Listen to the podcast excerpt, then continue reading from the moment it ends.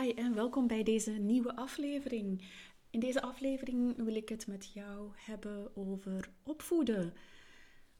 Ja, ouders die voeden hun kinderen op en ouders in een conflict na scheiding, die voeden hun kinderen op in een hele lastige situatie. En daar wou ik graag wat gedachten over delen. Dit is de Strafouders na de Scheiding podcast en ik ben Anne Brems. Ik steun, ik help ouders die in een conflict na scheiding zijn terechtgekomen. Ik help hen om meer rust, meer houvast te ervaren in hun ouderschap bij dat conflict. Nu, vorige week had ik een oude blog van mij van onder het stof gehaald, alhoewel van onder het stof. Voor mij was er wel veel stof op, want ik had die in, denk ik, heel lang zelf niet meer gelezen. Maar ik zag dat daar gewoon superveel mensen dagelijks die blog aan het lezen waren of daarop terechtkwamen. Dus dat heeft mij zo wat wakker geschud om dan toch die blog uh, even van het schap te halen en nog eens onder de loep te nemen. Ik had die dan gedeeld vorige week. Ik heb, die, ik heb er op Facebook ook iets over verteld en op Instagram en in de inspiratiemail. En er kwam weer massale aandacht op. Wat was die blog? Die blog had als titel, of heeft als titel, je kan hem nog altijd lezen. Mijn ex moet veranderen zo kan ik geen co-ouderschap doen. Dus mijn ex moet veranderen, zo kan ik geen co-ouderschap doen. In die blog deel ik dus hoe dat je dat uh, toch wel kan doen. En ik vraag me dan af, hoe komt het dat er zo massale aandacht is naar die blog? En ik denk dat een van de dingen misschien is omdat er het woord ex in staat. En dat het woord ex iets raakt, iets triggert. Natuurlijk triggert dat al de ellende, alle frustratie, alle machteloosheid. En dat dat dan maakt ja, dat ouders uh, daarop doorklikken, dat willen gaan lezen, En ja, dat, dat zien bracht mij dan op het idee, ik gebruik eigenlijk bijna nooit het woord ex. Dit was een, een oude blog, ik denk dat het van twee jaar geleden was, waarbij ik dat dan toch nog gedaan heb. Maar ik doe het niet meer. En op de doelcursus parallelouderschap en op de groeicursus parallelouderschap maken we ook die afspraak dat we dat woord ex niet gebruiken. En dat is in het begin wat oefenen soms, maar ouders ervaren dit als heel helpend. En we doen dat met een reden omdat we op de doelcursus parallel ouderschap en de groeicursus parallel ouderschap gaat het over ouderschap. Het gaat over ouders die ten volle gaan kijken hoe kan ik mijn kind opvoeden in deze situatie. En ouders die dit doen, ja, die, verschijnen er straffe ouders. Zo was er een ouder die aan de hand van een vragensessie van enkele weken geleden, in plaats van over de muur te gaan kijken en uh, naar uh, de andere ouder te gaan kijken en, en, en daar die ellende en, en dat de andere ouder weer niet akkoord zou gaan, is ze naar haar kinderen gaan kijken. Dus ze is, met haar kinderen gaan spreken, ze is gaan opvoeden. Allee, ja, opvoeden. Ze is gaan spreken met haar kinderen. Opvoeden doe je sowieso, maar ze is daar iets nieuws in gaan doen. En ja, ze vertelde dan over die ervaring uh, deze week. En ze voelde vertrouwen. En ehm, ze voelde motivatie om die weg ook verder te gaan met haar kinderen. En zo was er ook nog een andere straffe ouder, die dus ook ehm, niet kijkt naar ex, maar echt naar ouderschap. En daar ook ten volle rust in kan vinden, ook al is er heel veel ellende daar rond, rond dat ex-partnerschap. Ehm, dat dat, ja, dat heel veel frustratie geeft. En ook deze ouder ja, verscheen voor mij na het weekend echt als een straffe ouder die het heft in eigen handen neemt over de opvoeding van haar kinderen in deze situatie. Nu, je zou misschien kunnen denken, oh, dat zijn ouders met geen ingewikkelde situaties. Het tegendeel is waar.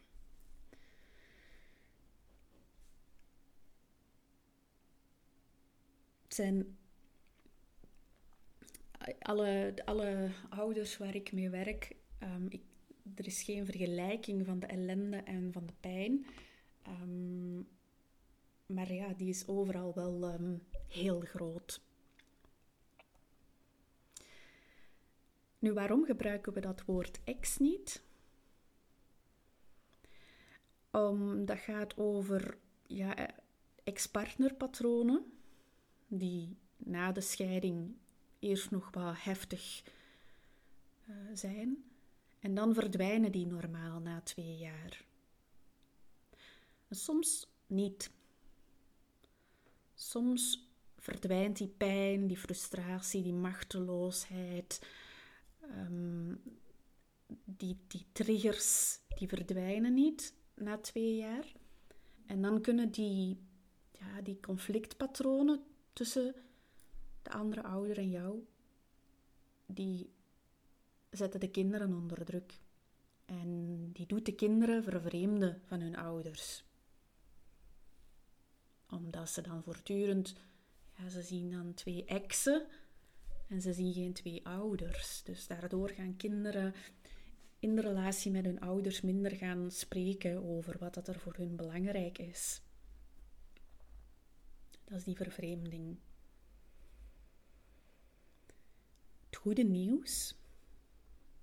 Eén ouder die niet meedoet aan deze ex-partnerpatronen en die actief telkens opnieuw inzet bij ieder probleem op de relatie met de kinderen, dat gaat vervreemding tegen.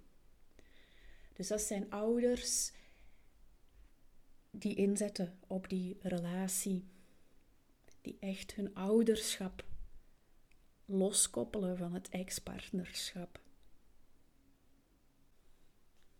Ik ga je hiervan enkele voorbeelden geven. Voorbeelden van situaties die ik vaak zie, heb zien terugkomen de voorbije jaren bij, bij de ouders die ik begeleid. Het eerste verhaal is van een ouder en um, de dochter komt terug van bij de papa een dochter is negen jaar en een dochter vertelt heel enthousiast over TikTok-filmpjes die zij heeft gemaakt.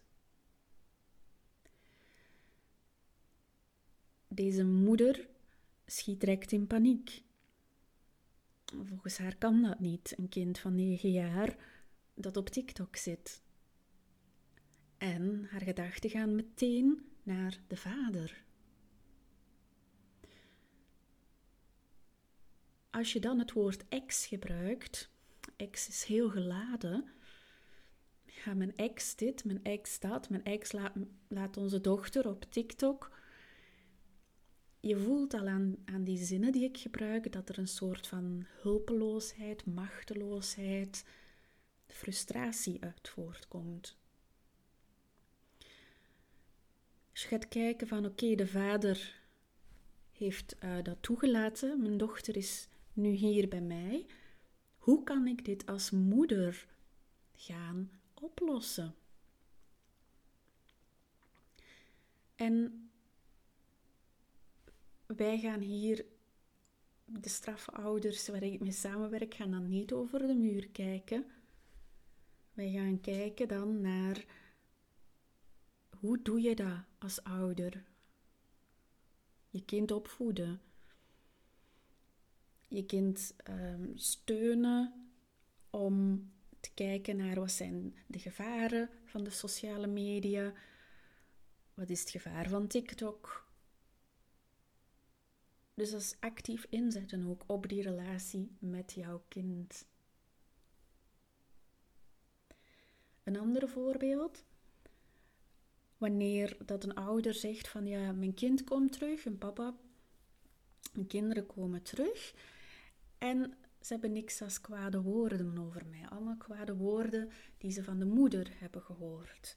Ik zou slecht voor hun zorgen. Ik zou ze niet op tijd in bed stoppen. Ik zou veel te streng zijn. Als je de beweging maakt over de muur, dan kom je heel snel in die ex-partnerpatronen terecht. Waarom kan ze mij niet zien als een goede ouder? Waarom vertrouwt ze mij niet?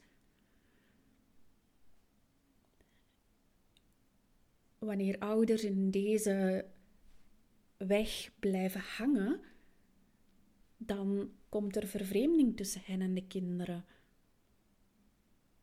Ik weet niet of dat je daar zelf iets bij kan voorstellen wanneer dat deze papa meer bezig is met de moeder dat hij de gesprekken, de moeilijke gesprekken met zijn kinderen niet gaat aangaan.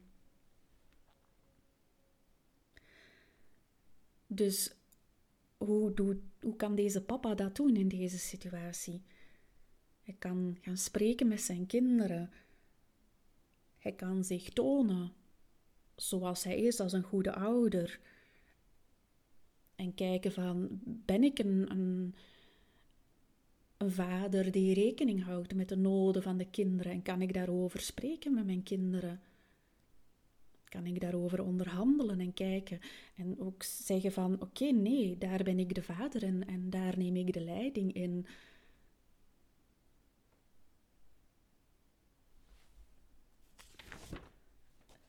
Een derde voorbeeld dat ik wou delen Stel je kinderen komen terug van bij de andere ouder en ze zijn al dagen laat gaan slapen.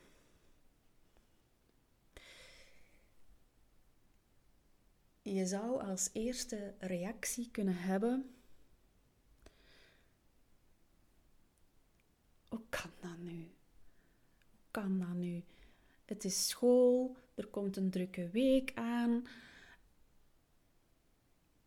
ik probeer mij een heel, heel concrete situatie voor te stellen. Ehm,